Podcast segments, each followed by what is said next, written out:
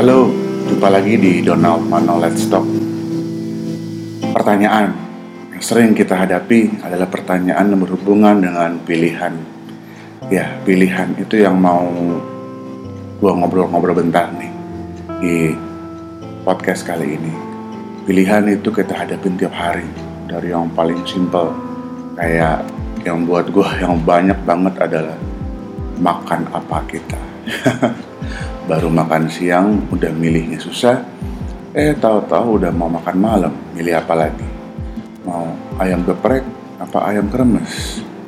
Bingung gitu ya mau makan bakso atau mau makan pangsit? Pilihan selalu ada. Nah terus kalau kita naikin levelnya nih ke level yang lebih serius kayak pilihan mengenai mau kerja di mana habis kelar SMA mau kuliah atau mau magang dulu atau mau kerja kita mulai ngeliat kita mulai berandai-andai kita mulai merencanakan. Terus udah kerja mau mulai usaha mesti setengah-setengah atau langsung full time sebagai wirausaha. Pertanyaannya banyak. Atau mungkin yang lebih personal pilih jodoh.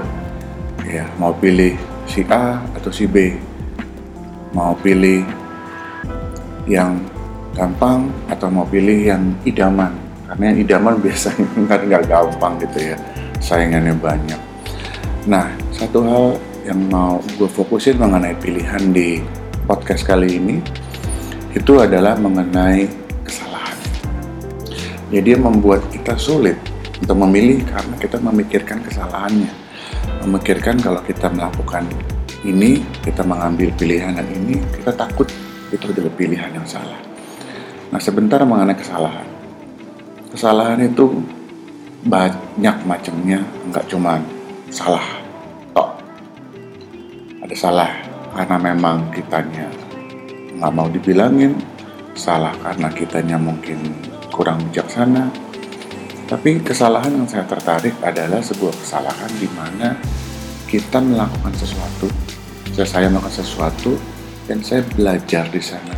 Dan saat saya mau melakukan sesuatu saya punya goal saya punya keinginan. Saat saya melakukan itu tidak tercapai atau cuma tercapai sebagian. Nah yang tidak tercapai itu dikategorikan kan sebagai hasil dari kesalahan pelaksanaan atau kesalahan pilihan yang saya bentar minum dulu atau kesalahan pilihan yang saya ambil. Nah, tapi jenis kesalahan seperti ini saya senang setelah saya ngalamin karena saat saya memberi ruang untuk mengambil kesalahan, misalnya saya, saya, saya memberi ruangnya seperti ini. Berarti saya memberi ruang sebesar ini juga untuk proses belajar saya. Nah, jadi saya sudah tidak tahap takut, sudah tidak terlalu banyak mikir, overthinking, untuk saat dihadapkan dengan pilihan-pilihan yang harus saya ambil dalam kehidupan ini. Terutama yang berhubungan sama karir, berhubungan sama income, berhubungan sama usaha saya. Karena saya lihat berdasarkan pengalaman yang udah lewat saat saya lihat ke depan, justru pengalaman dari mengambil yang tanda kutip salah langkah itu nilai pembelajarannya itu membuat langkah saya berikutnya jauh lebih punya bobot dalam hal pengalaman, dalam hal tahu mengetahui sesuatu yang sifatnya tidak pasti, cuman bisa mempertimbangkan intuisi saya diasah, saya punya wisdom, kebijaksanaan dilatih, sehingga sekarang saya mau sharing, yuk jangan takut untuk membuat kesalahan, selama bukan kesalahan bodoh atau kesalahan yang tidak bertanggung jawab. Ini yang saya mau sharing. Kenapa balik kepada pilihan? Minimal kalau kita ngomong pilihan ada dua ya. Kalau satu itu bukan pilihan. Nah, pilihan ini mengenai masa depan. Saat kita dihadapkan dengan pilihan, itu belum terjadi. Ini kerennya, ini indahnya, ini kuncinya dua pilihan yang ada sama-sama belum terjadi. Nah, itu membuat dua pilihan kita fair. Sehingga jangan overthinking. Kalau saya pilih ini, dipikir boleh, cuma jangan over. Nanti mulai direka-reka jalannya. Ingat, masih masa depan, belum terjadi.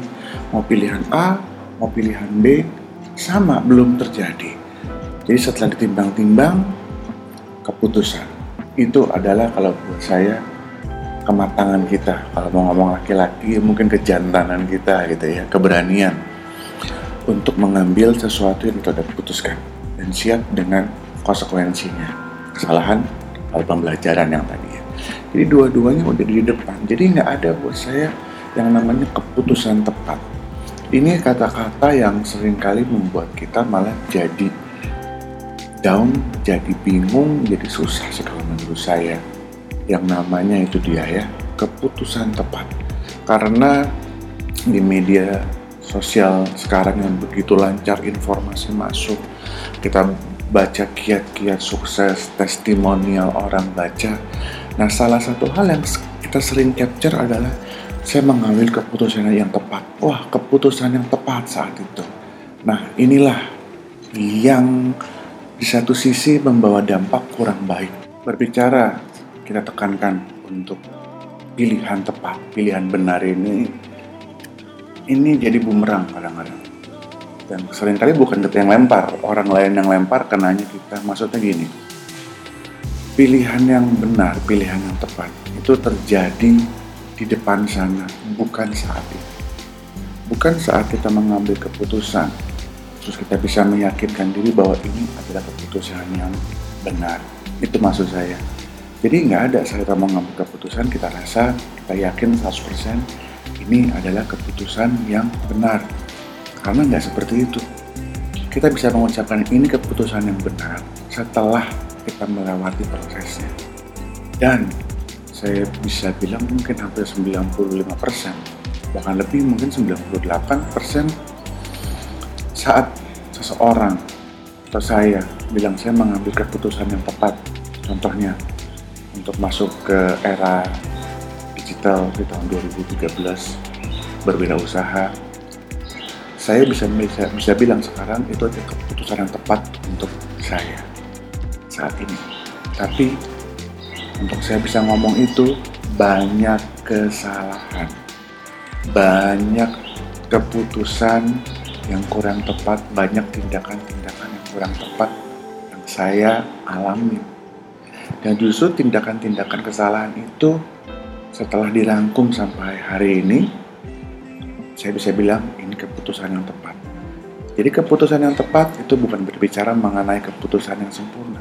Keputusan yang tepat buat saya artinya adalah saya dengan tepat memutuskan itu berdasarkan apa yang saya punya, informasi pertimbangan yang ada yang sebegitu terbatasnya saat itu. Saya ambil keputusan keputusan itu adalah keputusan yang benar buat saya yang memang saya ambil. Nah untuk itu saya mau ajak teman-teman nih yuk kalau saat kita dihadapkan sama keputusan yang penting menurut kita dalam kehidupan ini dalam waktu saat ini gitu ya dilihat dipelajari dengan segala keterbatasan informasi yang ada Jangan takut mengenai informasi itu. Jangan takut melihat bahwa informasi nggak cukup. Kalau kita udah punya itu, berarti memang itu yang kita punya. Ambil keputusan, pilih salah satu. Karena tidak ada pilihan mana yang lebih baik daripada yang satu daripada yang lain. Ya, saya bukan bicara mengenai asal pilih. Tapi setelah kita pertimbangkan, oh dia.